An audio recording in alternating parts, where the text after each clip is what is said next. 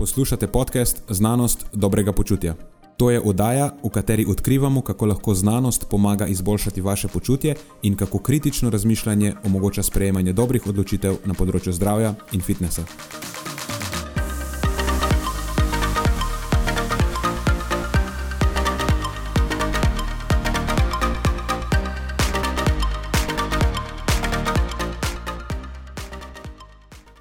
Preden začnemo, pa se moram zahvaliti še našim sponzorjem. Zaenkrat to še vedno ni velika korporacija, temveč zvesti poslušalci, ki nam izkazujete zaupanje in podporo s prijavo v našo člansko skupino Znanost dobrega počutja. Hvala vsem, ki s tem držite luči prižgane in omogočate podkastu, da raste in postaja še bolj kakovosten. Hvala tudi vsem, ki nas podpirate s pozitivnimi komentarji in visokimi ocenami, ter s tem, da priporočate podcast svojim znancem in prijateljem. Zdaj pa je končno čas za začetek epizode. Uživajte ob poslušanju.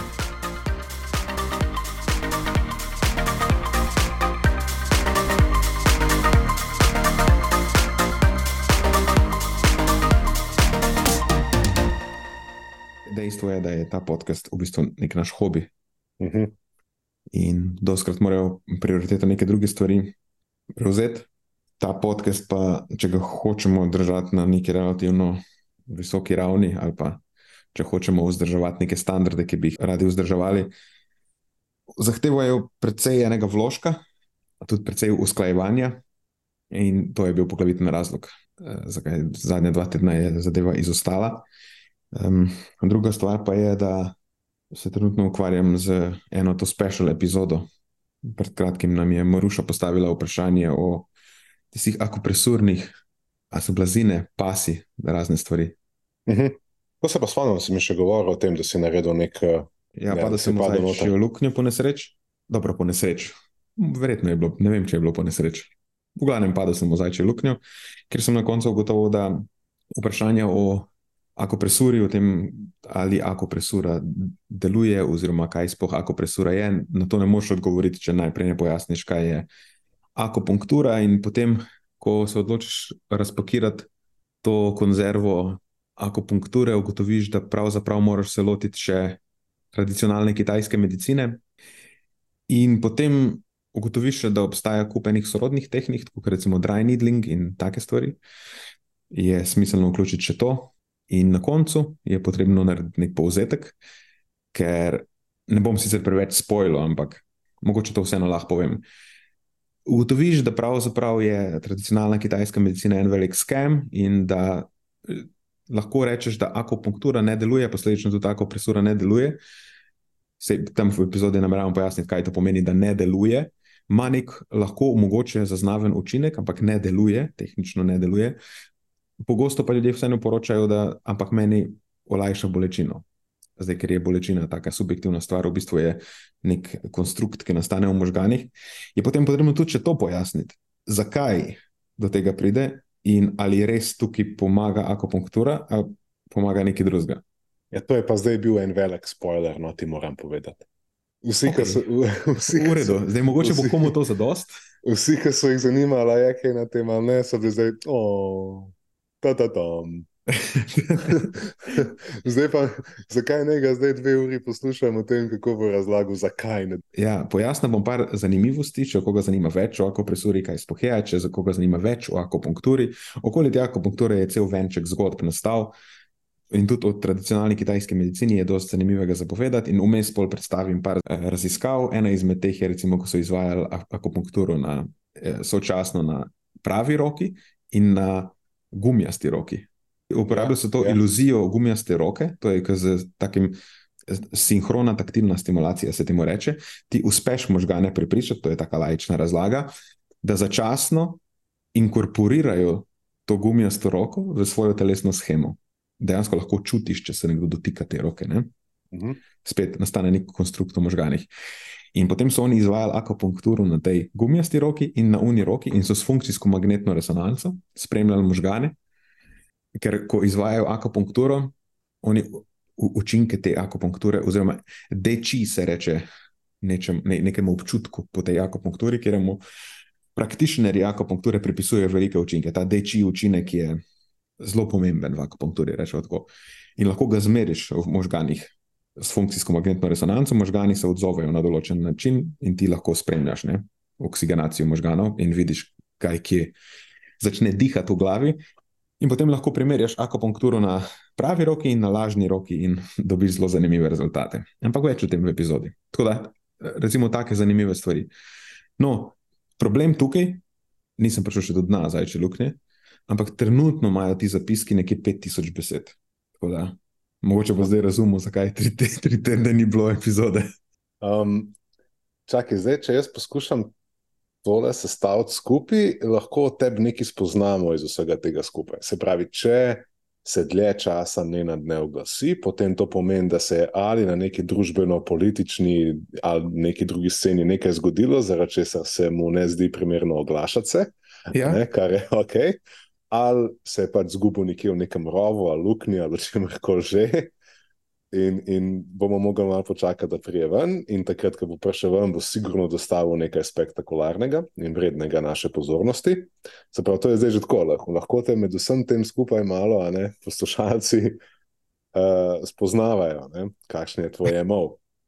Jaz bom kar priznal, da, da imam problem. Temu na zelo prijazen način se reče neurodiverziteta. Nekateri ljudje imajo bolj čudne možgane, drugi malo manj čudne. In jaz resno sumim, da imam, verjetno bi lahko dobil neko diagnozo ADHD ali nekaj takega. Zelo, zelo težko sicer držim pozornost in stvari mi uhajajo. Ampak, če me pa kaj vrže stira, mogoče lahko temu rečeš, potem pa lahko zaidemo luknjo in, in, me, in me dolgo časa ni ven. Drugače pa omenil si družbeno-politično temo. Tudi tukaj ma- imaš v bistvu prav, te stvari me zelo lahko spravijo stira, in po, potem sem ugotovil, da je najbolj pametno biti tiho. Ampak problem je, da zgo- zgodi se, da potem neke druge stvari, o, o katerih bi v bistvu mogel bolj govoriti, ker so del mojega področja, na katerem se strokovno udejstvujem, se mi zdijo banalne. Tako kot recimo, veš, ko je bila ujma, potem nismo izdali epizode o magneziju, zaradi tega, ker se mi je zdelo ukvarjanje z magnezijem banalno. In tudi zdaj, pravzaprav, svet, Bog moj, kaj se dogaja, ne, ne date ni dihati. Kaj, nista minila, a sta minila sploh dva meseca, in spet imamo geopolitično krizo. In zdaj, v prejšnjem življenju, recimo, da sem bil obramboslovec, še zmeraj me te stvari zelo zanimajo in me, še zmeraj me zelo angažirajo. Še posebno me zelo angažirajo takrat, ko vidim, da diskurs o tej temi eh, poteka na tak zelo problematičen način, kot zdaj poteka. Veš. Ful ljudi se je angažiralo v to temo, ljudi, ki so vplivni po eni strani, po drugi strani pa v tej zadevi nimajo v bistvu pojma. In eh, komunikacija se mi zdi, da se odvija v taki problematični smeri, pa ne samo komunikacija, tudi vidiš, kaj se okoli dogaja nas, eh, razne demonstracije v podporo problematičnim idejam in kako se to v bistvu obravnava skoraj tako kot sprejemljivo. V glavnem, ta zadeva me bolj zaskrbi. Sem v enem takem krču. Po eni strani vem, da je pametno, da nič ne povem, po drugi strani pa, eh, ker vseeno, recimo, če konkretno se navežemo na, na ta konflikt, ki na Bližnjem vzhodu trenutno poteka, eh, to, to je nekaj, kar, kar nekoč me je precej zanimalo, sploh takrat, ko sem še študiral obramboslovje. Bi, rekel, da vem nadpovprečno veliko o tem, ampak vseeno po, po drugi strani se borim z idejo, da pač se borim s tem, da nič ne povem, ker se mi zdi bolj pametno. Predstavljam si, da morajo imeti potem takšni, kot se ti, kar precejšen izziv v tem modernem, trenutnem času. Zakaj? Zato, ker so informacije z celega sveta prednostno bolj dramatične in morbidne, kot pa tiste pozitivne. Um, vedno neko, ne so vedno dostopne. Ne. In se sprašujem, koliko so naši možgani, čisto evolucijsko gledano, prilagojeni na to, da so lahko v vsakem danem trenutku izpostavljeni vsem problemom tega sveta, oziroma imajo dostop do njih, lahko, lahko jih spremljajo. Ne? In kaj se po, te, to si mislim, da v preteklosti nikoli ni bilo možno. Uh, in, in razumeš, na kaj ciljam. Ne? Kaj se potem za nekoga, ko se ti zgodi, ko se ta stvar spremeni, ko pa zdaj, ker od enkrat si en klik stran od tega, da raziskuješ probleme enega, drugega in tretjega konca sveta, lahko hkrati, pa še tiste, ki so doma pred tvojim pragom. ne. In potem je lahko kar paralizirajoče vse skupaj, si mislim. Sploh če si nagnjen v to smer, da rad zatavaš v kako zajčno luknjo. In recimo, da se to zgodi na nekem takem področju, kjer vseeno imaš še neke veščine, ki so ti ostale od, od prej, imaš zdaj na voljo še več orodij, kako se lahko še bolj približaš tematiki. Čist konkretno, recimo, trenutno na Telegramu sem prijavljen v dve, dost underground skupini, kjer sodelujejo na eni strani eh, ljudje, ki delujejo v okviru IDF-a, torej Israeli Defense Force, in dobiš tam lahko informacije z prve roke. Ena izmed, recimo, ki jo lahko tam dobiš, je, ti IDF-ovci so pobrali GoPro kamere, ki so jih Hamasovci nosili, in zdaj objavljajo tam posnetke iz teh kamer. Tako da v bistvu po eni strani je lahko zelo naporno, ampak dobiš nekaj informacij, ki recimo niso servirane v, v medijih. In potem, ko primerjaš to, recimo, kako se v medijih neke stvari prezentirajo in kako v bistvu z prve roke jih lahko spremljaš, po drugi strani sem pa tudi v eni telegram skupini, kjer sodelujejo Hamasovci in, in razni pro-palestinski um, akterji. In potem lahko tam druge stvari spremljaš. In v bistvu ne vem, kje so hujše v glavnem, hočem reči, da lahko dejansko prideš skoraj do informacij iz prve roke ne, in te na nek način tako zelo te angažira. In vidiš v medijih, kako so neke stvari izmaličene, kako se predstavljajo in kako določeni akteri, ki imajo tako agendo in drugo agendo, se bockajo med sabo. In zelo težko je, no, hočem reči, ne štartati na te stvari. Zdaj, če uporabim tisto, kar si zdaj povedal, pa tisto, kar sem prej nekako govoril o tem, kako veliko informacij z različnih koncev sveta, z različnih problematik imamo na voljo, pa vendar neko zelo omejeno količino pozornosti, kako se lahko človek pa sploh znajde v vsem tem. Vsemu, vsemu bi se rad nekako opredelil, o vsem bi rad razvil neko mnenje, rad bi si pojasnil stvari dovolj dobro, da lahko rečeš, da jih vsaj približno spremljaš ali razumeš ali poskušaš pojasniti. Ne, ampak jih je enostavno preveč. Imamo neko lastno družbeno-politično krvalijo, potem imaš tukaj situacijo na Bližnjem vzhodu, potem ne, po celem svetu lahko najdeš neke take stvari, ki so kompleksne. Ti imaš kot človek v tem času zelo omejeno količino pozornosti, kot sem rekel, in potem si nagnjen k kopici nekih uh, interpretacij dogodkov, ki so preveč popreproščene, uh, mogoče celo čez mejo uh, ne, resničnosti, kot bi ti rekel. Uh, in si ustvariš nek koncept resničnosti okoli sebe, ki je lahko da tako povsem mimo.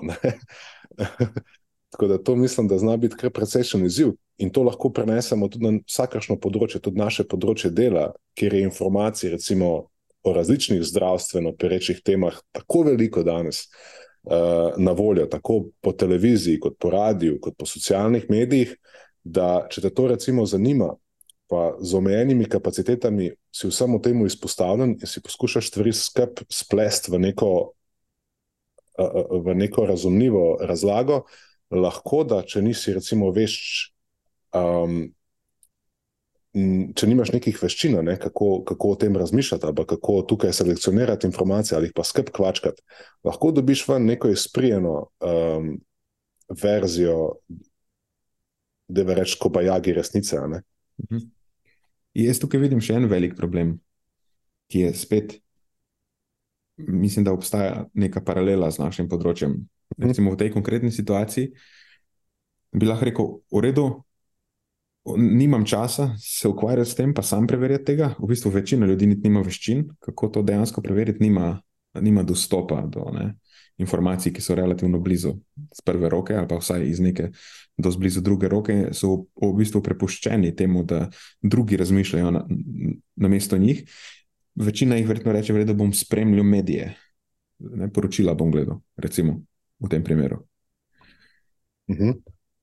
Ampak na podlagi recimo zdaj opazovanja tega zadnjega tedna, vsaj, moram reči, da informacije, ki jih dobiš na poročilih, niso korektne. V, večini primerov bi rekel, v najboljšem primeru so pa vsaj tudi, ko recimo, probajo biti korektne, so pa zelo ideološko obarvane. Že samo s tem, ko uporabljaš določene besede, kako prezentiraš neke stvari, jim lahko daš določen čustveni naboj. In v eni strani, recimo, za isto zadevo uporabljaš ene besede, medtem ko podobno dejanje druge strani opisuješ z drugačnimi besedami, ki imate zelo različen čustveni naboj. Se mi zdi, da smo ravno v eni prejšnjih epizodah ne govorila o tej heuristiki razpoložljivosti in kako v bistvu ena interpretacija, konstantno, ki se ponavlja, lahko vpliva na način, kako ljudje, ki to spremljajo, dojemajo um, v bistvu resničnost ali se pa z njo mogoče celo povežejo na tak način, ki ni glih najbolj reprezentativen dejanskemu dogajanju. Uh, pa si to najbrž spet prepoznal v tej situaciji. Ne?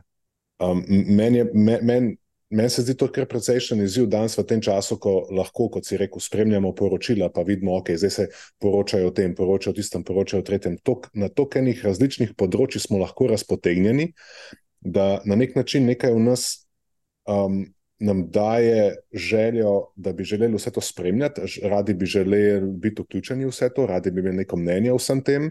Uh, a veš, tisti fear of missing out, ne? Aha, moramo prebrati to, to nas zanima, tisto nas zanima, zanima nas, kaj se doma dogaja. Vse, vse, vse stvari bi radi spremljali, ampak nima, se pa ne v bistvu posvetimo dovolj, da bi stvari res bolje razumeli. In potem si vse povsod na, na, na petih različnih področjih, si pač izjemno površen.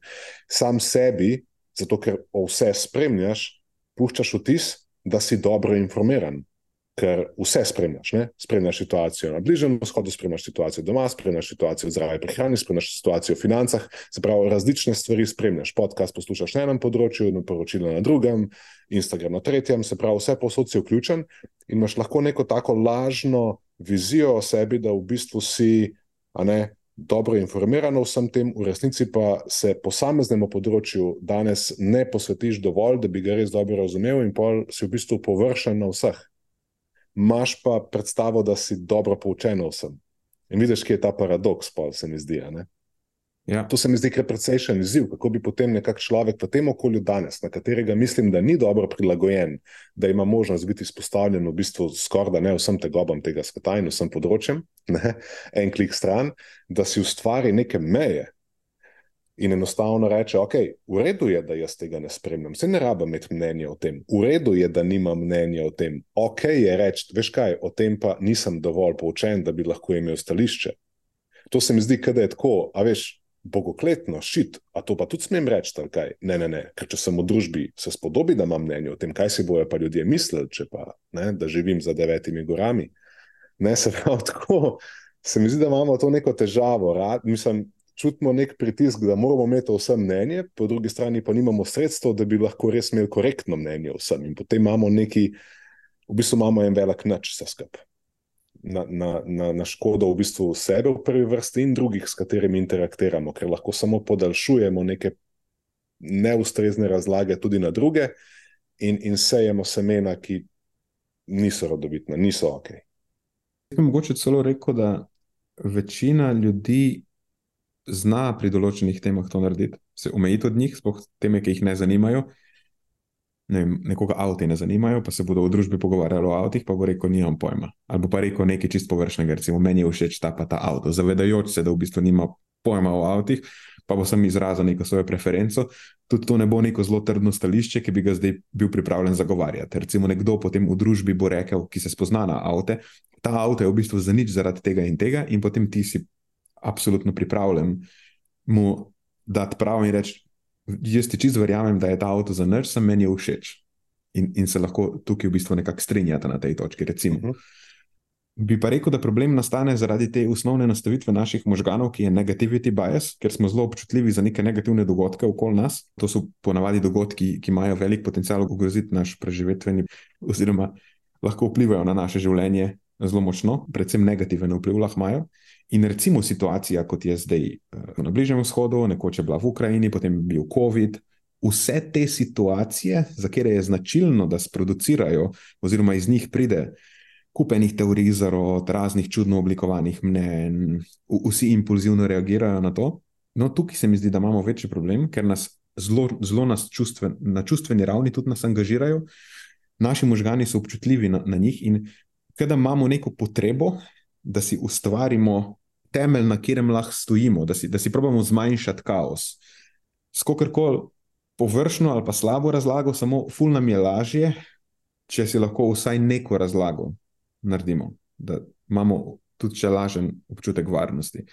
Ker v literaturi na področju teorij zarot, recimo psihološki literaturi, ki se ukvarja s teorijami zarote, je to zelo en pomemben dejavnik, ko preučujejo, kdo je nagnjen k teorijam zarote. So to ponavadi ljudje v situacijah, kjer nimajo nadzora nad svojim življenjem in si potem poskušajo ustvariti vsaj lažno neko zgodbo, ki jim potem pomaga zmanjšati ta nek občutek kaosa, ki ga imajo, ker ne vejo, kaj se dogaja. S tem na nek način prevzamejo nadzor nad svojo situacijo, ne tudi če v resnici ne, samo možganom je pa lažje shajati s tem, manj stresno je. Pač probaš si z neko poenostavljeno razlago, z sredstvi, ki jih imaš na voljo, razložiti svet. Uh -huh. A bi rekel, da se ta negativity bias tudi pojavlja na našem področju? A bi rekel, da so vsebine, recimo, ki jih vem, kjer se o zdravju, o prehrani, o nečem komunicira tako z te perspektive, kako je nekaj škodljivo ali kako si z nečim škodimo, da tudi pritegnejo več naše pozornosti, kot pa tiste vsebine, kjer recimo se kolegi, s kolegi trudimo um, ljudi bolj pomiriti ali pa jim predstaviti neko svetlo plat neke, ne, neke teme. Recimo. Bi rekel, da je precej dobro utemeljeno, da so za prehranske misinformacije zelo dovzetni ljudje, ki so v nekem krču, v neki stiski, ali pa vsaj da mi, mislijo, da imajo nek na prehrano vezan problem, in si spet probajo rešiti to težavo, zmanjšati kaos. Ne? Recimo, sploh, če ti imaš neko stanje, ki potencialno lahko. Ali ga že ogroža, ali pa nek, nek, v prihodnosti lahko ogrozi, ogrozi tvoje življenje, si šel k zdravniku ali pa k nekomu in tam nisi dobil odgovorov, ki si jih rabo, da bi si lahko v smislu to, kar se okoli tebe dogaja, zmanjšal kaos okoli sebe, si nagnjen k temu, da poiščeš alternativno razlago. Pa na drugih naslovih iščeš. Tako da verjetno del odgovornosti lahko tudi pripišemo temu, kako so stvari trenutno urejene na našem področju, oziroma področjih, ki se dotikajo našega, ne? recimo zdravstva in tako naprej. Ker ljudje, ki pri zdravniku, recimo, ali pa pri nekem dietetiku, ali pa tudi mogoče prehranskem svetovalcu, ki jim ga je nekdo drug priporočil, ne bodo dobili zadovoljivih odgovorov, bodo poiskali alternativno razlago.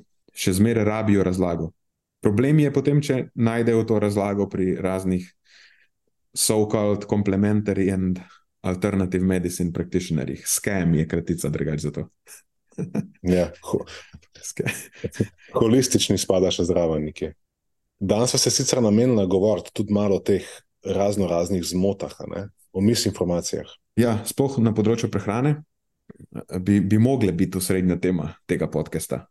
Dejva, ker s to temo, da mm -hmm. ne zaplavava še dlje. Ja. V glavnem, zgodba je taka, da ti si se na rojstni dan odločil vreči nekaj knjig stran. Jaz sem to razumel kot odločil si se jih zakuriti. A si jih zakuril v resnici? ne, v resnici jih nisem zakuril, ker. Uh ne vem, kako, kako bi to izgledalo tukaj v tem plokovskem naselju. Um, sem pa jih dejansko vrgel v tisto, ta modro kanto za papir. Torej, ločeval si. Ločeval sem. Pohvalno, Marijo. Ja, hvala lepa. Sej drugače je to vse skupaj ena farsa, ampak podpiram. Nima veze. Na meni šteje. Da, ja, dejmo. Ja, sem, sem soodeležen v farsi, priznam. Um, Sej jaz tudi drugače. Ja, sem uh, vrgel jih v smeti in sem imel dejansko celo nekaj časa, sem si vzel za premislek o tem, če mi jih podariti, ker prodajajo jih tako ali tako ne bi, ampak jih, če mi jih nekomu podariti, ker, a veš, kako rečejo, ne? hrane se ne meče stran. Ne? In, in enako se je meni zdelo, da se tudi, da velja tudi za knjige, češ knjige se ne meče stran. Ne? Ker to je vendarle neko znanje, ampak sem potem po tehnem premisleku ocenil, da je tu notri v teh knjigah, ki sem jih izbral, toliko enih zmot, toliko enih potencijalno škodljivih informacij in pasti, ki bi lahko tiste, o katerih zdaj govoriš, ker smo se pogovarjali o, a, a, o drugih področjih, pa vendar, recimo tudi na tem, ki ne bi znalo spet tega a, ustrezno si razložiti ali pa prepoznati, a se pa odzvati in bi šli preveč čustveno v, v, v interpretacijo vsega tega, kar je notri napisano, bi si lahko, tako kot sem se jaz takrat, fejst zafrknil. Ne? In to bi se lahko, seveda, in vse pogosto opazimo, pozna tudi na zdravju ljudi v negativnem smislu. Zato sem rekel, veš kaj, iz preventivnih razlogov bom pa tokrat se odločil knjige, ki so pokvarjene, vreč stran, podobno kot bi vrgel stran hrano, ki je pokvarjena in to sem naredil na moj rojsten dan. Ja. Nisem se še uspel posvetiti vsem knjigam, ki sem jih iz prejšnjega stanovanja preselil v to novo stanovanje, in uh, sem naredil eno tako čistko, in sem našel tam noter, seveda, knjige, da jim rečem, greatest, greatest pseudoscience hits. Um, Tam prednjači, kdo je Gary Tobbs, a ne kot avtor, mnogi ga mogoče poznate, ki spremljate področje prehrane, pa kaj so še. Um, recimo naslovi so The Sugar Nation, ena knjiga, ki, um, ki, ki želi predstaviti sladkor kot ne, največji problem moderne družbe in razlog za vse bolezni in debelost. Potem, zakaj kalorije ne veljajo in ne štejejo, in oni, ki štejejo kalorije, v bistvu ne, so debeli. Uh, potem, zakaj bi mogli jesti tako prvinsko kot naši predniki, in je problem v tej moderni hrani, ki je pač nevarna in škodljiva. Potem, zakaj so glikovi hidrati škodljivi, the low carbohydrate living. Potem The Great Cholesterol Myth, se pravi, kako je holesterol v bistvu, ne, tem, to je bolj tvoje področje, v katerem si že večkrat v svojih uh, storijih in vsebinah na socialnih medijih delil te mite o velikih puhastih in ne LDL delcih in ne vem čemu vse, zakaj je holesterol brez veze um, omejevati v prehrani ali pa nasičene maščobe nasploh. No, in to je bila ta neka. Ne, uh, nek, uh, nek venček pokvarjenih, uh, ki sem jih pol izbral in, in, in zavrgel, in sem pa tudi napisal, uh, pripravil sem en zapis o tem, uh, zakaj in kat, na katere vse zmote v teh knjigah in podobnih knjigah sem jaz v preteklosti. Um, sem se spotaknil ob njih, si jih nisem znal ustrezno uh, razložiti, in kaj lahko v bistvu naredimo, da si pomagamo ne biti mogoče tako neumni, kot sem bil takrat jaz, ali pa tako neumni, kot se to moderno okolje danes, uh, ki nekako producira površne, uh, zmotne uh, vsebine, želi od nas, uh, da bi se lahko na tak način morda malo zaščitili in ne nasedli glih na vsako neumnost, ki um, nam jo danes servirajo. Z vseh koncev in strani. Ne. Tako da, evo, to je bila moja letošnje, letošnje, moje letošnje darilo v bistvu sebi uh, in, in, in, in, in drugim, ki jih recimo, bi ta zapis pritegnil dovolj, da bi um, se mu posvetili, kot 4-5 minut, pa, pa je. Drugače, jaz mislim, da si sicer naredil napako, da jih nisi shranil za kurjenje. Jaz si, jaz si predstavljam, da bi lahko jih uporabljal če, že sem za ogrevanje, če bi jih uporabljal, bi lahko bilo bolj koristno. To bi Facebook bi to gorel. Ja. Nimam kamina doma, veš. Lahko bi vsak žar, lahko bi kaj vrgel na grill, to bi lahko zunaj naredili. Pismo, to sem pa pozabil. Imam sicer doma zdaj grill zunaj na atriju, ampak je tista, veš, električen, tako da se pržge na klik. A si predstavljaš, da ni za podkurt? Da, a si predstavljaš, da, da s knjigo Primal Body, Primal Mind počgeš grill, na katerem narediš tofu? ja, do zdaj si nisem, ampak zdaj, ko si omenil, recimo, da imamo obžalovanje. in pol vržeš, in pol vržeš gor, gor good calories, bad calories in narediš ja. lepinjo. Narediš lepinjo, ja. To pa, bi bilo, to pa bi bilo za dokumentirati. Lej. Veš kaj, jaz mislim, da če bi šel jaz nazaj v to mojo klet in bi šel še malo brskati, sem zihar, da bi najdel še, še, še, še kaj kar bi se dalo, s čimer bi se dalo podkuriti. Tako da, da je pa do naslednjega poletja mi še malo časa. Da, Boš najdel še kaj. Da bi se dali iz tega kaj narediti, da bi ponudili eno žar žurko. Eno žar žurko, pa povabimo Matjaža, da prije z, z mariniranim tofujem. Da se od, oddolžiš za ta spodrsljaj. Da se oddolžim za ta spodrsljaj. Veš, tako daleč pa nisem razmislil. Ja. Ej, uh, sej ti bom v prosto. Sploh, če najdeš še kakšno knjigo. Ja. Veš, kaj mi je bilo všeč, ko si rekel, da so te knjige pokvarjene, kot je pokvarjena hrana, lahko, in da pokvarjene hrane se ne daje naprej, da zato teh knjig nisi dal naprej. Ja. Mislim, zelo dobro si povzel. Ker še posebno, zakaj se mi zdi ta prispodoba na mestu, je, in o tem se ne prej sprašujemo, so dost, po moje. Marsikdo si pač misli, da so to neke neumnosti v knjigah, če jih prebereš, pač verjameš v neumnosti kaj je pa tukaj tako hudega. Ampak v bistvu je učinek zelo podoben, kot če poješ slabo hrano. To lahko predstavlja tveganje za tvoje zdravje. Branje teh knjig lahko predstavlja tveganje za tvoje zdravje. Če na podlagi teh knjig, na podlagi misinformacij na splošno, prilagajaš svojo prehrano, je tvoja prehrana od, potem odmaknjena od nečesa, kar je optimalno in bo to breme za tvoje zdravje. Recimo, to je najbolj direktna povezava z slabšimi izidi, obstajajo pa še druge. Uh, Ampak dejstvo je, da obstaja neko breme misinformacij, tudi na ravni javnega zdravja. Recimo, branje teh knjig je nek dejavnik tveganja, javno zdravstveni dejavnik tveganja. In pred kratkim je uh, Stefan G.N.A. napisal en zanimiv članek o uh, bremenu prehranskih misinformacij. Zdaj, tukaj so mišljeno prehranske misinformacije ne samo knjige, ampak razni drugi viri, recimo posti na Instagramih, Facebookih in drugih družabnih medijih. In najbrž bi se še kaj najdlo, lahko mogoče rečemo, da, da so to najbolj prevalentni viri misinformacij v trenutnem času. Ali knjige, ali recimo pojavljanja teh avtorjev ali pa nekih influencerjev, ki sledijo na svetom v, v, teh, v teh knjigah. In zdaj on se je vprašal, ali lahko mi ocenimo, ali lahko zelo konkretno mogoče celo ocenimo, koliko smrti lahko pripišemo prehranskim misinformacijam in kakšno je mogoče pa še neko drugo breme, breme nekih drugih vrst zaradi prehranskih misinformacij.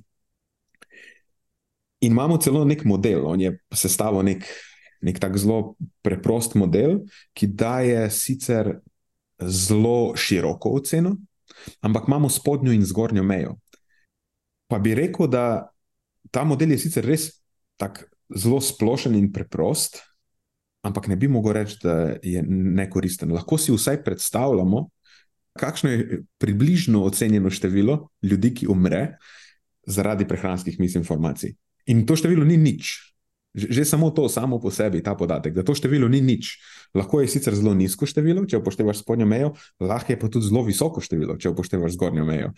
Verjetno je resnica nekje, nekje znotraj tega, mogoče bliže spodnji meji, bi jaz rekel, ne zgornji meji, ampak vseeno imamo nek interval zaupanja. A bi mi dva predstavila ta model? Ne, da ne bo samo hipotetično, koliko ljudi dejansko trpi hujše zdravstvene posledice zaradi prehranskih informacij, če uspemo to kvantificirati, pa postaviti v nekem kontekstu, v širšem kontekstu. Okay. Zdaj, prva stvar, to je model za oceno smrti, ki jih lahko pripišemo prehranskim misinformacijam. In on je ta model apliciral na podatke iz ZDA, jaz sem potem to ponovil za Slovenijo. V, v ta model gre v bistvu par podatkov. Prvi podatek je število smrti na leto, koliko ljudi sploh na leto, skupno zaradi vseh vzrokov, umre v neki populaciji, recimo vzemimo Slovenijo. Potem naslednji podatek, ki ga rabimo, je, kakšen odstotek smrti teh vseh lahko pripišemo suboptimalni prehrani. In na tej točki je ena stvar potrebno še izpostaviti, da je to zadevo zelo težko ocenjevati. In to, to je prvi tak model. Dejansko v literaturi tak model še ne obstaja. Ni, ni nekega objavljenega članka, ki bi se ukvarjal s to tematiko, ker se je zelo težko s tem ukvarjati. In v bistvu lahko vse samo zelo na grobo predvidevaš. Ampak vseeno, zdaj imaš ta podatek, od, torej odstotki vseh, vseh smrti, ki so povzročeni zaradi suboptimalne prehrane. In tukaj moraš ugibati. Lahko si sicer pomagaš z literaturo, ampak vseeno pač nek razpon lahko vzpostaviš. Recimo ta Institute for Health Metrics and Evaluation Estimate, uh, to so podatki za 2019 pravi, da je 14, približno 14 odstotkov vseh smrti zaradi suboptimalne prehrane. Um, potem je recimo en članek Miša in sodelavci 2017, ki ocenjuje zelo podobno, tam nekje malo pod 14 odstotkov. Sta pa še dve višji oceni, so Peterman Roša in sodelavci iz 2021, pravi 18 oziroma skoraj 19 odstotkov, pa Švink Šakl in sodelavci 2021, to je pa tista velika raziskava eh, Global Burden of Disease. Oni so pa ocenili celo, da 22 odstotkov vseh smrti globalno uh, lahko pripišemo eh, suboptimalni prehrani. Oziroma, je to, to je breme smrti povezano s prehrano, je, je njihov termin. Tako da zdaj, recimo, razpon je 14 odstotkov in 22 odstotkov vseh smrti, lahko pripišemo prehrani. To je torej drug dejavnik, ki gre v ta model. Potem naslednja stvar je, ker niso veš, vse, vse, ne moremo vse, vse, vsega tega bremena zaradi prehrane pripisati prehranskim misinformacijam, se zdaj moramo še odločiti, kakšen odstotek tega odstotka zaradi suboptimalne prehrane, torej koliko prehranske misinformacije vplivajo na to. A veš, kaj hočem reči? Uh mhm. -huh ni zdaj vseh teh 15-20% s prehrano povezanih smrti a ne posledica samo tega, da, nek, da nekčo, ne, ne, nekdo zavaja, recimo, ali pa podaja. Ne, tako, lahko so še drugi. Tako, absolutno. Verjetno je v, v, vsaj desetine drugih dejavnikov, in tukaj, recimo, te prehranske misinformacije niso najpomembnejši dejavnik. Vemo, da ljudje imajo suboptimalno prehrano iz različnih vzrokov, tudi bistveno vplivnejših od tega. Ampak vseeno, zdaj moramo se odločiti za nek razpon. In tukaj sploh nimamo nobenih dobrih podatkov. Um, GNA pravi, da je povprašal svoje kolege na okol. Ja, mislim, da je pred časom imel tudi en ta Twitter poll, torej neko Twitter anketo, um, kjer je spraševal svoje kolege iz področja, kaj oni mislijo. In niso prišli do nekih zelo konkretnih zaključkov, tako da tukaj je on vzel eno zelo široko oceno, torej en odstotek, to je nek to, minimalno, recimo, da samo en odstotek eh, tega bremena na zdravje, povezanega s prehrano, za samo en odstotek tega so odgovorne prehranske misinformacije. In potem na drugi strani je vzel pa 20 odstotkov kot neko najvišjo smiselno številko. Recimo, torej, da je za 20 odstotkov suboptimalne prehrane, da so krive prehranske misinformacije. In potem na podlagi teh dveh podatkov, torej de deleža vseh smrti, ki je povzročen s suboptimalno prehrano, in deleža suboptimalne prehrane, ki je povzročen z prehranskimi misinformacijami, lahko dobiš konkreten odstotek za odstotek vseh smrti, ki, ga, ki jih povzročijo prehranske misinformacije. In zgornja meja je 4,4 odstotke vseh smrti, spodnja meja pa nič cela en odstotek vseh smrti. In to, je, to bo zdaj določilo naš razpon, ko apliciramo to na podatek za našo populacijo, ki je vseh smrti letno. On je to zračunal za Ameriko, tam je nekih 2 milijona 900 tisoč vseh smrti letno, in ta njegov model predvideva, da dobrih 4 tisoč do slabih 130 tisoč smrti letno povzročijo prehranske misinformacije. Let that sink in, bi rekli angliži. To je kar nekaj smrti tudi v bolj zadržanih napovedih. Tudi če se vzame, recimo, 4000. Ja, samo 4000, pa ne greš v tiste ne, više predikcije, ki, ki tudi ne bi bile nerazumne. Ampak že če hočeš ostati tukaj bolj zadržan, pa je to 4 ure, pa ni. Ne, bi me zanimalo, razmišljamo o tem, kako v, v primerjavo s čim dati to, da postane ta številka veš, bolj živa. Imam tudi primerjave pripravljene. Ampak najprej podatki za Slovenijo.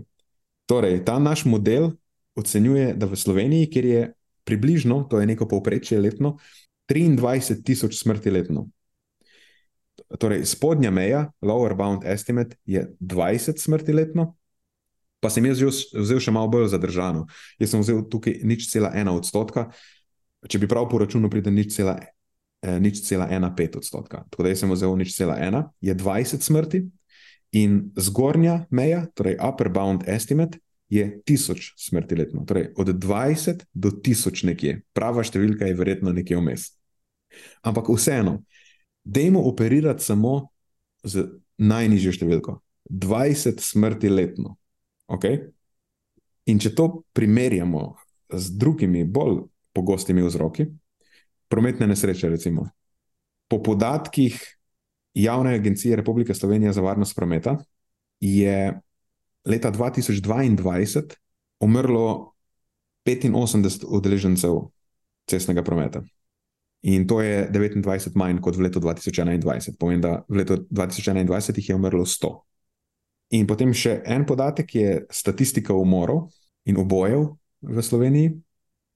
32 eh, tovrstnih dejanj, od tega 7 umorov, 3 oboje, 6 poskusov umorov in 6 poskusov obojev mislim, da so to, to so podatki za 2022.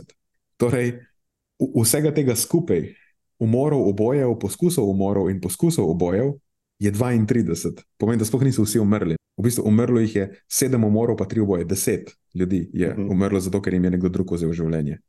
A veš, kaj se mi poraja ob tem, ko te poslušam? Ta paradoks selektivnega ogorčanja. Kako bi recimo se odzvali ljudje, večinoma, če jim rečeš, kakšno je vaše mnenje do nekoga, ki aktivno promovira Dajmo reči, da tisti, ki so umrli v prometu, ne pa da je en manjši procent teh, ki vem, so vozili prehitro ali pa so vozili med tem, ko so bili zamoteni z uporabo telefona ali pa so bili pod vplivom nedovoljenih substanc, alkohola. Da recimo promovira takšno vedenje, ne, ki se lahko v takšnem številu rezultira v smrti. Ne bi rekel, absolutno nikakor, to je ničena toleranca do tega, to je treba sankcionirati, to je treba strpati v zapor, kaznovati, preniske kazni so, karkoli že, ali pa do nekoga, ki promovira nasilno vedenje uh, in to, kar si zdaj opisal. To bi bila spet zelo podobna zgodba. Kaj pa, na kaj pa zelo pogosto naletimo, če recimo izpostavimo nekoga, ki aktivno in dosledno promovira na področju prehrane um, škodljive informacije, zastrašuje, promovira neurotično vedenje, motnje prehranjevanja s svojimi nekimi um, ne, vsebinami. In kaj se zgodi, če izpostavimo nekoga takšnega, za koga tudi imamo neke ocene, številke, da lahko škodi mnogim ljudem, očitno primerljivo z nekimi drugimi področji. Kaj dobimo? Dobimo. Uh, kaj ste hateri, puste ljudem, da delajo svoj biznis, se tudi oni imajo pravico delati, mnogim ljudem so uspeli pomagati s tem. A, a razumeš, kaj hočem povedati? Ne? Se ja. pravi, na enem področju smo ogorčeni nad nečim, kar vodi v ekstremne primere, eh, v ekstremno škodo. Na drugi strani pa smo recimo na našem področju do tega izjemno tolerantni. V bistvu celo tisti, ki pokaže na to, je the bad guy. A ni zanimiv paradoks? Ja, se razmišljam, če je res paradoks. Gre za dve različni zadevi, ker nekdo, ki recimo namenoma poskuša umoriti ali pa vsaj uh, izvesti oboj, kar ni sicer namerno, ampak uh mhm. -huh. ponavadi je tu neka namera, ki je malevolent, rečemo angliži, zelo namerna. Dočim pri razširjanju prehranskih misinformacij sta dva dejavnika, ki sta zelo drugačna in jo je potrebno upoštevati pri tem. Eno je ta pretveza dobrih namenov, se on samo ljudem poskuša pomagati, druga je pa stvar identitete. Če se nekdo identificira z neko prehransko sektor, bo dosti bolj popustljiv do ambasadorjev te prehranske sekte. In si bodo vse to, kar oni komunicirajo, predstavljali v bistveno bolj pozitivni luči. To je precej dobro utemeljeno tudi psih, psihološko literaturo. Če, ko ti enkrat sprejmeš članstvo v nekem plemenu ali pa v neki tej prehranski, rečemo temu sekti, ajde, sprejmeš tudi njihova stališča, skoraj brezpogojno. In enostavno nisi tako sposoben videti vseh potencijalnih nevarnosti ali pa zmot, ki so inherentne tem stališčem. To bi najbrž lahko veljalo tudi za neko subkulturo, recimo, su, recimo nek subset družbene populacije, ki promovira vem, nasilništvo nad neko skupino. Sprejmeš ta. Lej, čist konkretno, aplicira se popolnoma tudi na trenutno situacijo. Lahko obsodiš nasilje ene skupine, enako nasilje druge skupine, pa ne boš, ker je to tvoja skupina in si ga sposoben celo upravičiti, da čim gre za čist isto obliko nasilja najti neko opravičilo. Ne? Tako, ali pa pač selektivno verjameš enemu viru, eh, v drugega pa vedno dvomiš.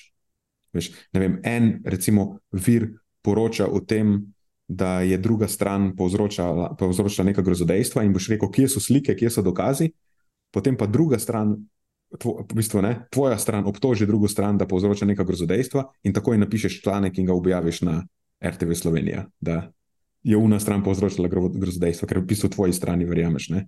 na besedo, dočim v drugo vedno dvomiš. Kljub temu, da je dokazni standard bi mogel biti isti. In recimo v prejšnji situaciji ena stran ni imela dokazov, zdaj tvoja stran nima dokazov, sem takrat nisi verjel, ker ni dokazov, zdaj pa verjameš, kljub temu, da ni dokazov. Tako da, ne, če pa konkretno na umor bi se nazaj probo navezati, verjetno podobno. Verjetno zelo podobno. Verjetno bi bil marsikdo sposoben upravičiti celo umor, z razlago, ja, ne vem, probo se je sam braniti tam, pa, ali pa vse si je že zaslužil, ga je provociral ali nekaj. Veš, to so pa vse racionalizacije, ki pridejo v poštev.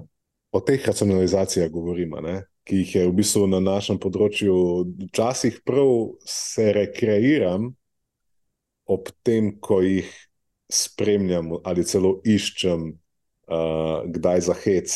Pri tistih, recimo, ki so absolutno bolj instagramabilni od nas, pa redno delijo recimo, takšne in drugačne uh, pozive, zapise, mnenja in potem se usujajo komentarje, ne ponavadi uh, bolj v podporo, kot pa um, ne, pač pride, pride armija v bran. Ne, uh mhm. -huh. Če nekdo izpostavi uh, potencijalno tveganje um, takšnih pozivov. Ne. In jaz bi rekel, da če si na nekem področju dobro načitan, recimo konkretno na, pre, na področju prehrane, lahko prepoznaš to. Veš, imaš nek zelo soliden temelj, na katerem stojiš, veš, kakšni so dokazni standardi, veš, kaj pravi teže dokazov, sposoben si in, en, in stališče ene strani in stališče druge strani obravnavati vsaj neki približno objektivni luči, ker si domač na področju prehrane. Ampak veš, kako je zna, znan rek. V treh stvarih se ne debatira za mizo.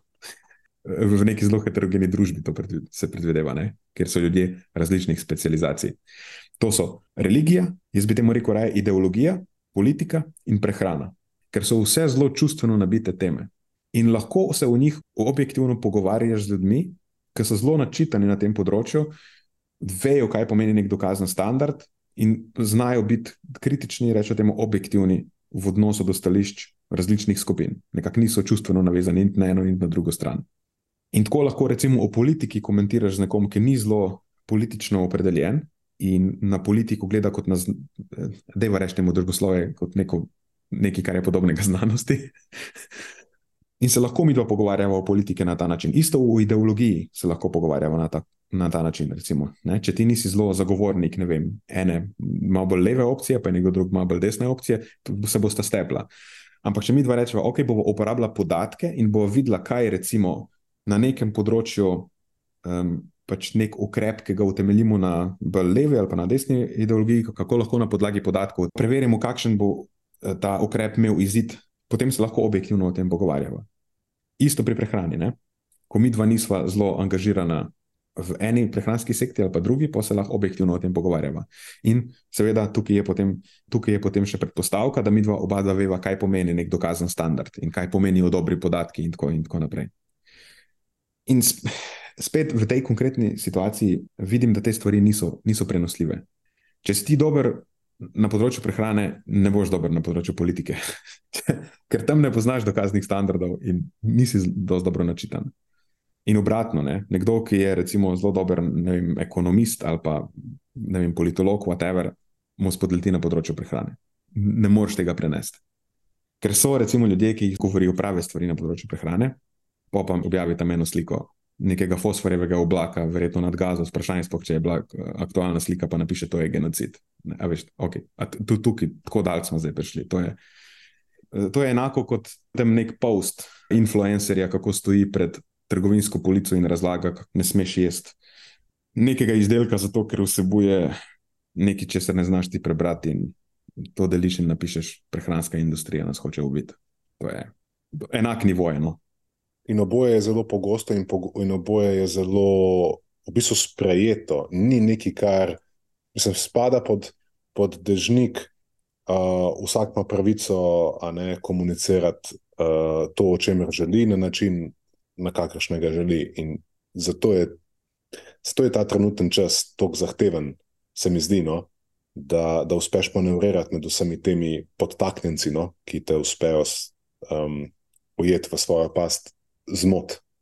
Bi rekel, da imam danes sam verjetno najmanj stališč do različnih tem, kot kadarkoli prej v življenju.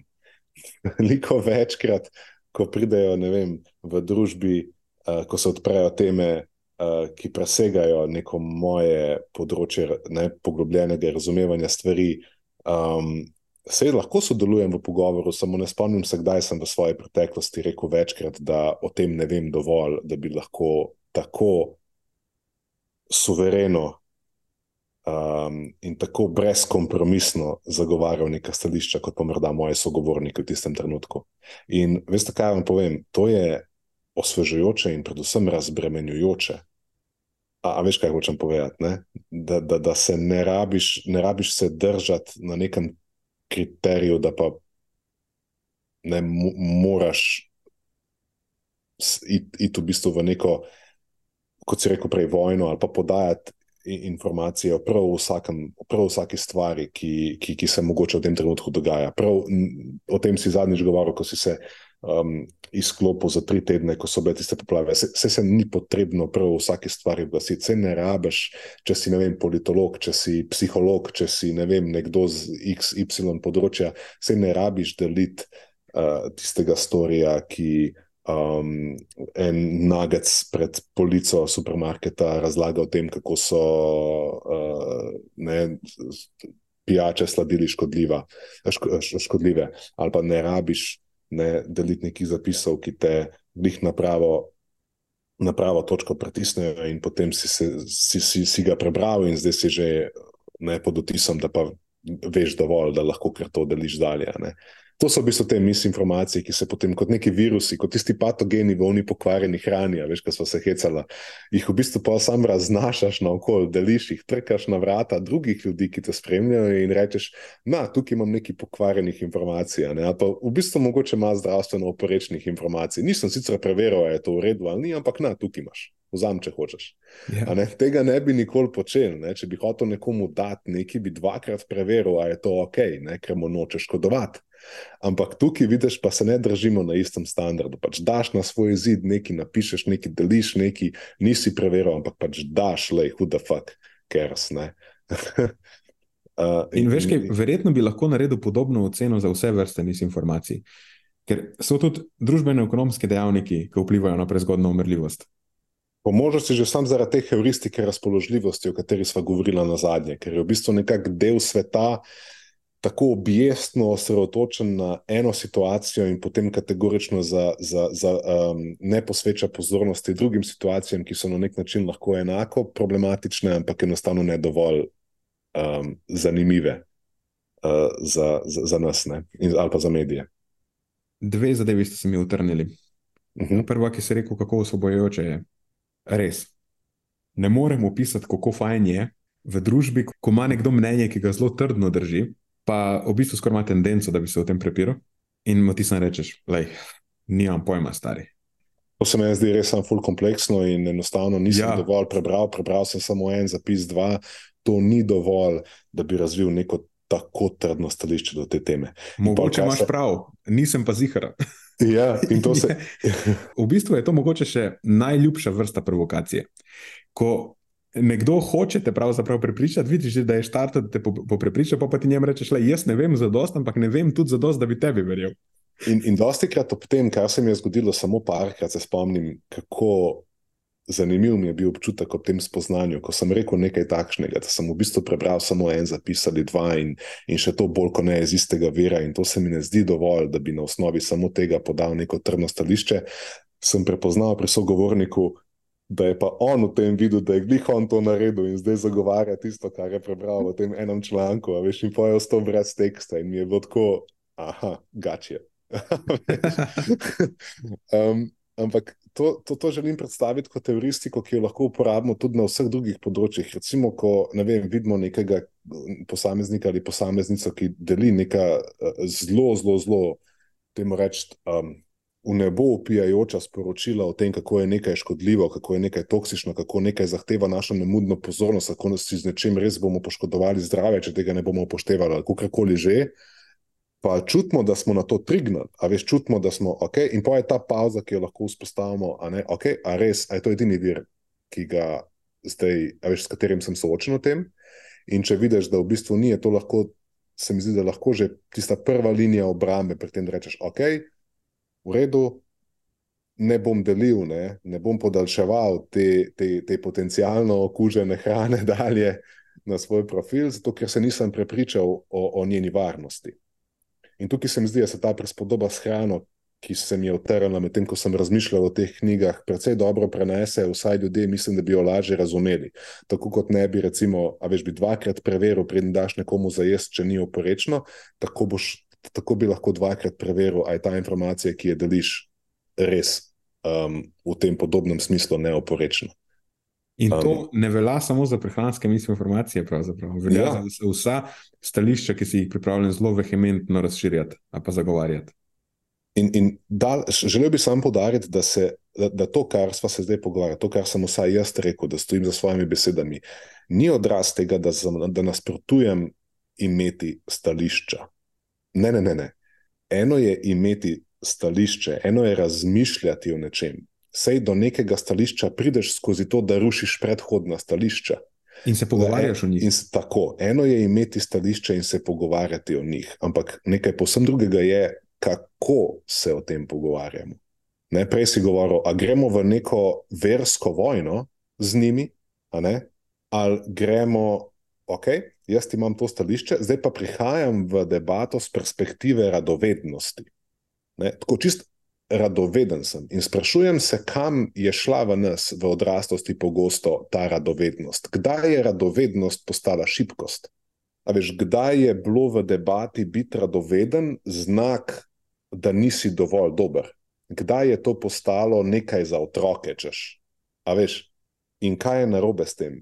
S tem se v bistvu v zadnjem času ukvarjam, ko poskušam obuditi to mojo, uh, mislim, to, to, to radovednost, ki sem jo, ko sem začel na tem področju delati, vedno tako rad gojil. Vedno sem bil firbec, vse me je zanimalo, vse sem hotel na tem področju seveda vedeti. In, in me zanima, zakaj to danes tako redko vidim da nekdo pride v neko debato z perspektive.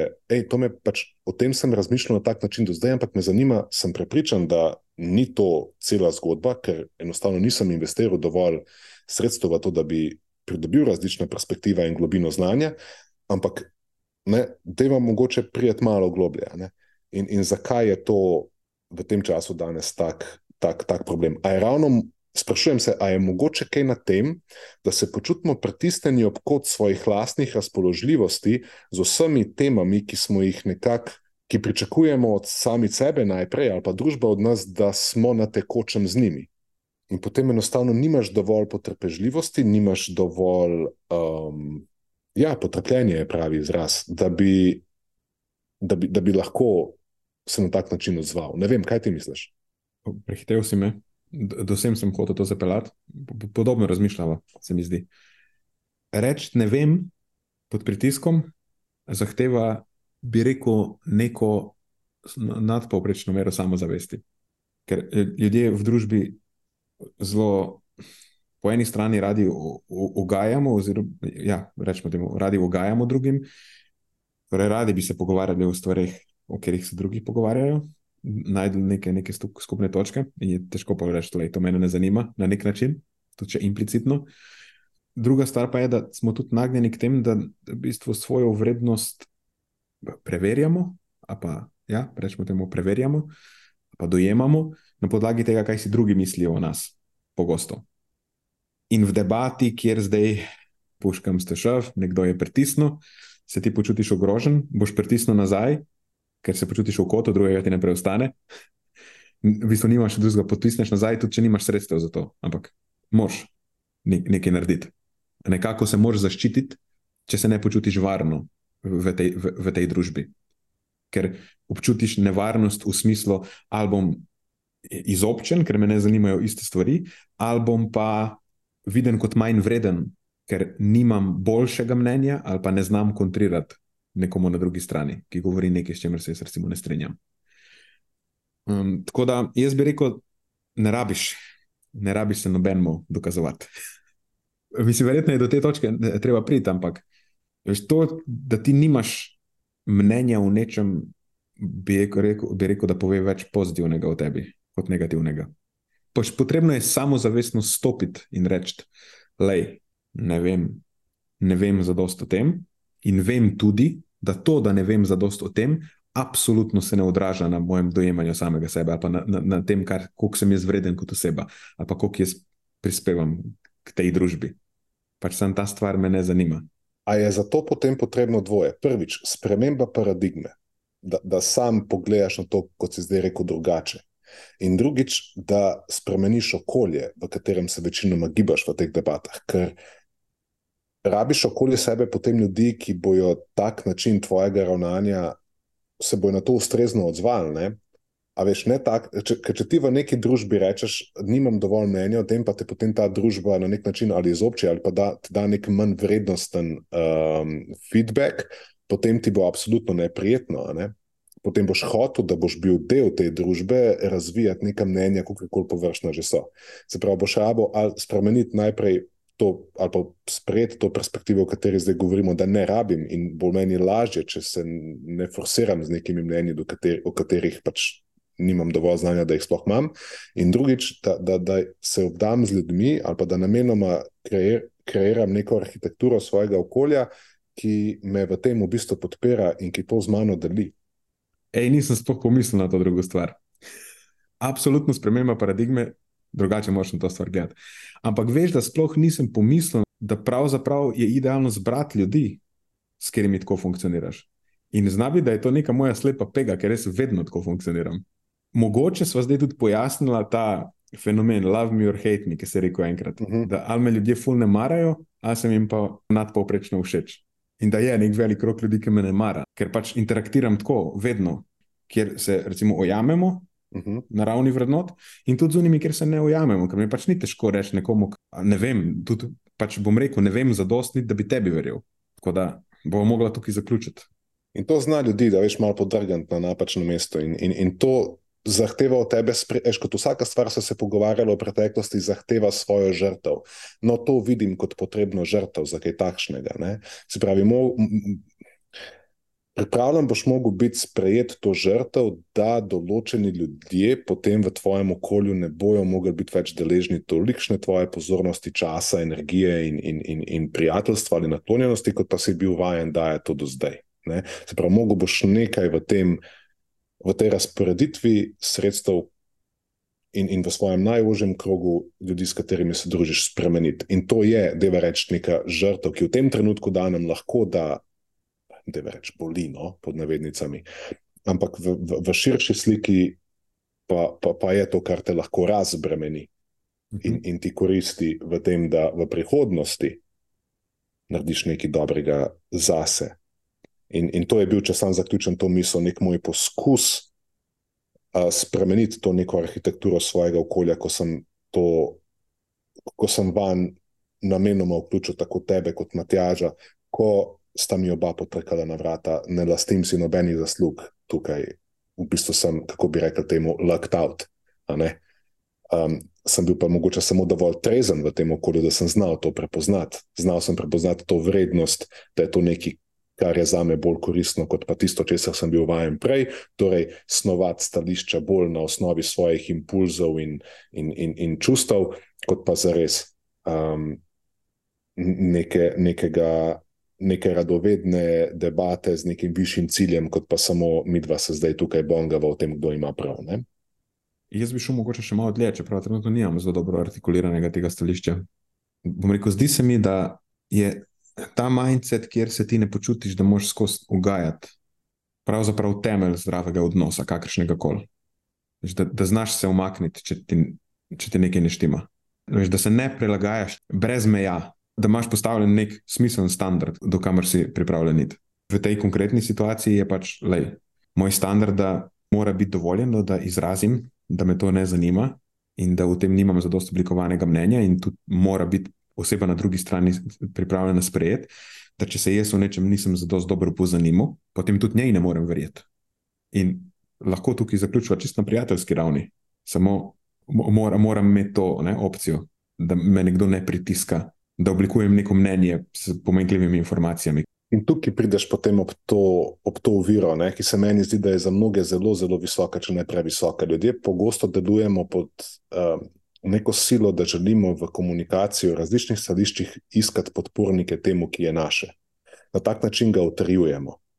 Se pravi, imamo neko stališče, ga dajemo ven, ga reklamiramo in tisti, ki jim je všeč, ki ga delijo z nami, ga sprejmemo v svoj krog in na tak način. To sem jaz nekoč počel. Ne? Recimo te knjige, ki sem jih vrgel stran, so bile tak način. Se pravi, iz tega ven sem vzel nek svoj um, set prepričanj in potem, ko sem jih komuniciral, sem zavračal tiste, ki so van vrtali luknje in sem v bistvu sprejemal svoj krog pod navednicami prijateljev, tisti, ki so nekako delili to. Ne? Na tak način samo širiš svoj mehurček tistih, ki, um, ki na nek način enako prihajajo do teh istih zaključkov. Um, in se ločiš stran od tistih, ki postavljajo takšno vprašanje, ali pa kot si ti zdaj rekel, ne, ne vem dovolj, ne morem ti zaupati, ker veš tako, ne, ker ti dajo slab občutek, uh, slab občutek ti dajo o sebi. Oni so sposobni nekaj, česar ti nisi.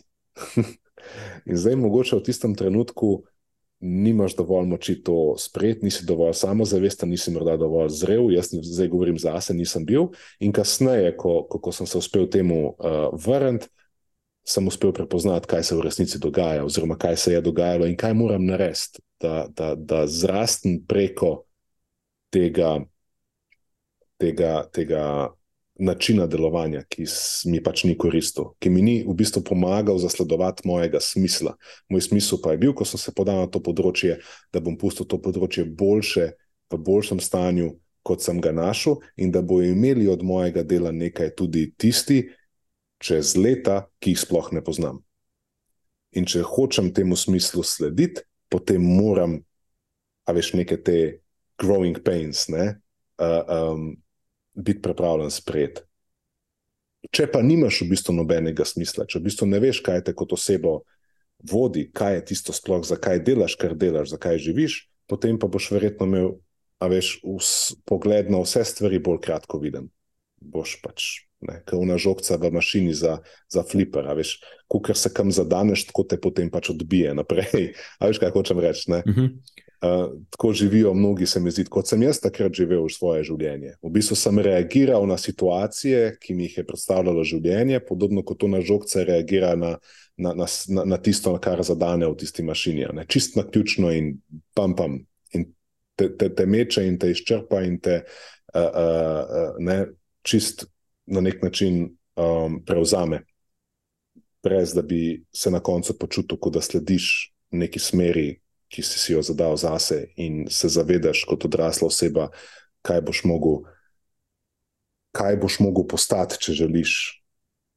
Iti, kje boš mogel napredovati in če, kaj boš mogel za sabo mogoče celo postiti. In to, kar si da zaključim, rekel ti tudi na zadnje, meni v nekem pogovoru, čemu vse bo mogel reči ne.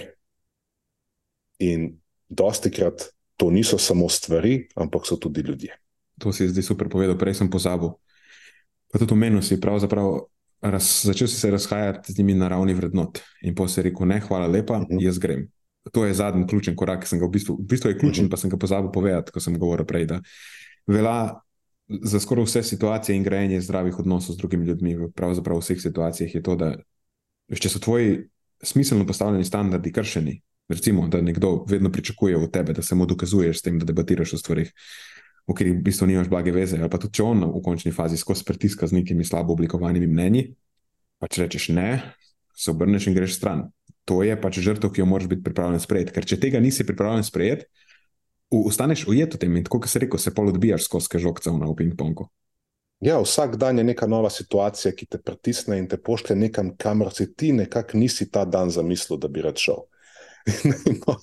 v bistvu je vsak dan znova neka nova, naključna dogodivščina, ki se v bistvu ne izplete, morda tako, kot bi si želel za svojo prihodnost. Ampak tukaj spet se vračamo k unemu problemu prej. Ljudje niso pripravljeni iti zaradi nekega strahu, ponavadi. Ustajajo v krogu ljudi, s katerimi se ne, ne skladajo na ravni vrednot ali pa nekih postavljenih kriterijev, zaradi tega, ker svojo vrednost oblikujejo na podlagi tega kroga ljudi. In zdaj, če grejo ven, so v bistvu implicitno nevredni. Ne? Ja, omenil si ključno besedo, samozavest si omenil. In, in, in priznam, jaz takrat te samozavesti v resnici nisem imel, sem se pa delal na vzven, da jo imam, ne, tisti psiki. Ne, mnogo lajajo, ne znajo grist. Se pravi, ta, ta neka. To neko pomankanje samozavesti potem kompenziraš uh, na tak način. In način, kako razviti samozavest, se je pa v mojem primeru, govorim zdaj, izkazala najbolj takrat, ne s tem, da sem jaz prebral ne vem koliko knjig za samo pomoč, ampak da sem sam sebi postavil tistih nekaj vprašanj, za katera sem vedel, da si jih moram postaviti, pa nisem šel z njih stran, nisem razjahal, dokler nisem našel prvega odgovora. In ko sem potem ugotovil, da je ta odgovor pomankljiv, sem šel globje, pa sem našel drugi odgovor, ki je malo bližji, pa tretji odgovor, ki je malo bližji. In zdaj govorimo o teh vprašanjih, ki jih vsi poznamo, pa gremo vsi samo dalje od njih. Ne? In to je, kaj v bistvu želim zase, zakaj delam to, kar delam. kaj želim tukaj spremeniti, kaj je moj smisel sploh mojega dela, mojega obstoja, mojega druženja s tabo, mojega snemanja tega podcasta. Zakaj sploh nekako? Jaz imam raje kot besedo ja. samo zavest, mogoče v tej situaciji občutek neke lastne vrednosti.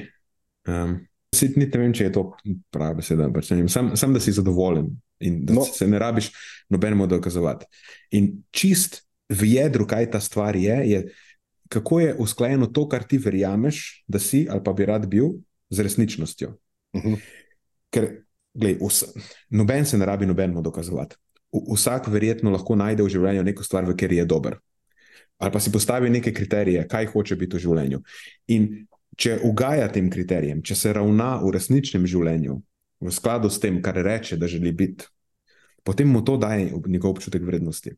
Če je dober na nekem področju, pa ve, da je dober na nekem področju, ker je to utemeljeno z dokazi v realnosti. Ti rečeš, ne, jaz sem dober na nekem XY področju, jaz sem dober avtomehanik, recimo, in imaš veliko dokazov, da si ti dober avtomehanik. Veliko ljudi prihaja k tebi popravljati avto, vsi govorijo, to je dober avtomehanik, pelte k nam popravljati avto.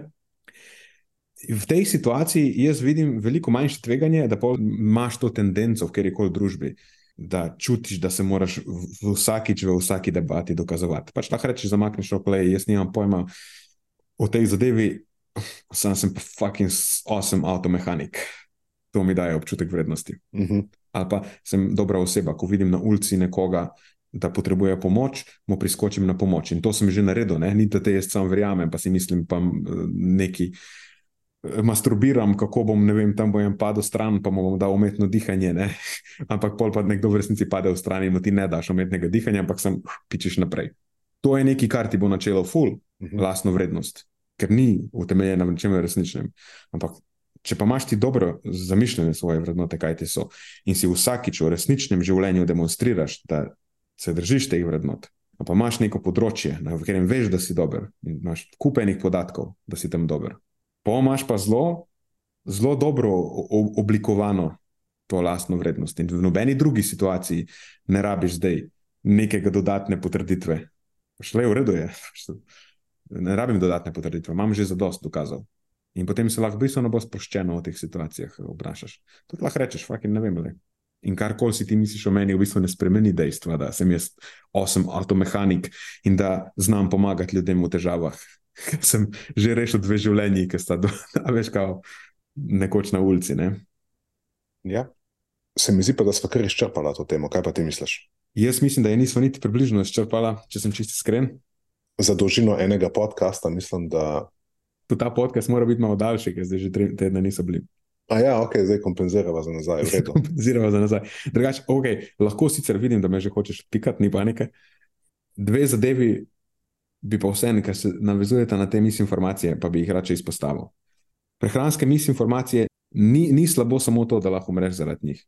Mislim, umreti je ful slabo, ampak tudi zapravljati denar po nepotrebnem je slabo in malo negativne posledice. Ne? Tako da ekupenega bremena te prehranske misinformacije povzročajo tudi s tem, da folk zapravlja denar za brezveze. V, v Ameriki je ocenjeno, da ljudje za nekoristne prehranske dopolnila samo zapravijo, ne vem, milijarde, se mi zdi, da je 50 milijard podatek. Uf, to je še en izračun, ki bi bil zanimiv za naše področje. ja, se lahko v bistvu malo sklepaš tudi na teh podatkih. Um, vem, en podatek je še, da okoli 2 milijardi se pravijo samo za te, za te weight loss supplemente, ki so pokazano neučinkoviti. Ne? Tako da v bistvu 2 milijardi izklapita. Lahko bi financirali obnovo po ujmi s tem denarjem. Uh, malo sicer pretiravamo, ampak verjetno veste, kam pes ta camoli. Drugače pa podatek na individualni ravni, da povprečen, povprečen odrasel v Ameriki porabi 200 dolarjev letno za prehranska dopolnila. Uh, bi rekel, da pa nas celo več. Biti, ampak to je povprečje. Eni, eni sploh neč, drugi pa ja, verjetno pač bistveno več. Um, tako da to je ena stvar. Verjetno druga, ki pa tudi ni bila ušteta v ceno, je pa ta, da prehranske misinformacije te lahko kako je obratno od spodbuditi? Odvrnejo. Odvrniti, ja. Torej, prehranske misinformacije te lahko odvrnejo od tega, da če imaš neko stanje, greš po učinkovito medicinsko terapijo. Znana zgodba Steve Jobs. On je bil diagnosticiran za, za rak na trebušni slinavki, ki je pokazano kar dobro odziven na zdravljenje. Ampak je zavrnil operacijo in se je odločil, da bomo pa zdaj to po, po, poskušal pozdraviti z vegansko dieto in če neko drugo alternativo. Vsi vemo, kaj se je pa zgodilo. Stvar je bila pač neučinkovita in devet mesecev kasneje je sicer imel operacijo, ampak veš, devet mesecev kasneje je bila že zadeva premalo prepozno in na koncu je umrl zaradi, zaradi tega raka. In bi jaz rekel, da se to ne zgodi tako redko, kot bi mi želeli, da se. Obstaja tudi en članek s konkretnimi podatki, naslov je Use of Alternative Medicine for Cancer and its Impact on Survival. To so Johnson in sodelavci iz 2017. Oni ocenjujejo, da ljudje, ki se odločijo za neko alternativo na mesto konvencionalnega zdravljenja, 2,5 krat pogosteje umrejo zaradi raka. Tako da verjetno je potrebno tudi to upoštevati, eh, ko se pogovarjamo o prehranskih misinformacijah. Torej, kolikšen delež prehranskih misinformacij je odgovoren za to, da ljudje grejo po neko alternativo na mesto konvencionalnega zdravljenja. Sicer lahko oddelaš oboje, ampak zgodi se tudi, da nekdo zavrne konvencionalno zdravljenje v zameno za alternativo. In v tem primeru je tveganje za, za smrt dva in polkrat večje. Pol tretja stvar, tukaj verjetno ne bo raba skupila preveč besed, večina popularnih knjig o prehrani, ki so glavni razširjevalci prehranskih misinformacij, širi nek iracionalen strah pred čisto navadno hrano. Bi lahko rekel, da prispevajo kar nekaj k bremenu, ki ga povzročajo stanja povezana z vsaj motenim prehranjevanjem, če ne pač ne, full-blown prehranskimi motnjami. Preko da nekdo, ki je nagnjen v to smer, potem ko zapade pod vpliv neke popularne diete ali pa knjige, ki propagira takšen in drugačen način prehrane, da mu lahko sem še potencira zadevo. E, tako da to se mi je zdelo še vredno, če smo se že pogovarjali o tem bremenu, ki ga predstavljajo prehranske misinformacije. Um, še predstaviti, sicer je en dejavnik, še pol, o katerem tudi ne rabimo ful debatirati, ampak veliko teh prehranskih misinformacij ima nek tak um, kontrarijanski narativ, ki ruši v bistvu zaupanje v znanost in inštitucije. Uh, ne, recimo zaupanje v tem, kaj so prehranske smernice, ali so smiselne ali ne. Tako da verjetno tudi nekaj bremena potem pušča zaradi tega, ker se ljudje v bistvu nek pesek v oči, teže se odločijo. Ampak ok, ker nam počasi manjkuje časa po mojem, je to. to Vedno nekaj, je pa lahko drugi del. Kar se tiče knjig, mislim, da bi se dalo še kaj povedati, kako se odločiti, e, kera je knjiga je smiselna za prebrati in kera ne. Ali pa, ali pa na splošno, recimo, kako se zaščititi pred prehranskimi misinformacijami, kako jih sploh prepoznati, da prehranske misinformacije v bistvu niso nujno vedno faktualno netočne, lahko so zavojajoče.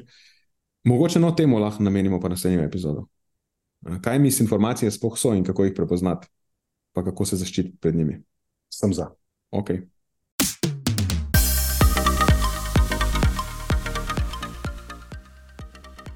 To je za tokrat vse iz naše strani. Hvala, ker ste poslušali do konca. Delite epizodo s svojimi znanci in prijatelji in jo priporočajte dalje, saj s tem omogočite, da sporočilo znanost dobrega počutja doseže čim večjo množico. Hvala vsem, ki nas podpirate s članarino in tudi vsem ostalim, ki delite podcast dalje in nam izkazujete naklonjenost z visokimi ocenami in pozitivnimi komentarji. Se slišimo prihodnjič, do takrat pa ostanite premišljeni.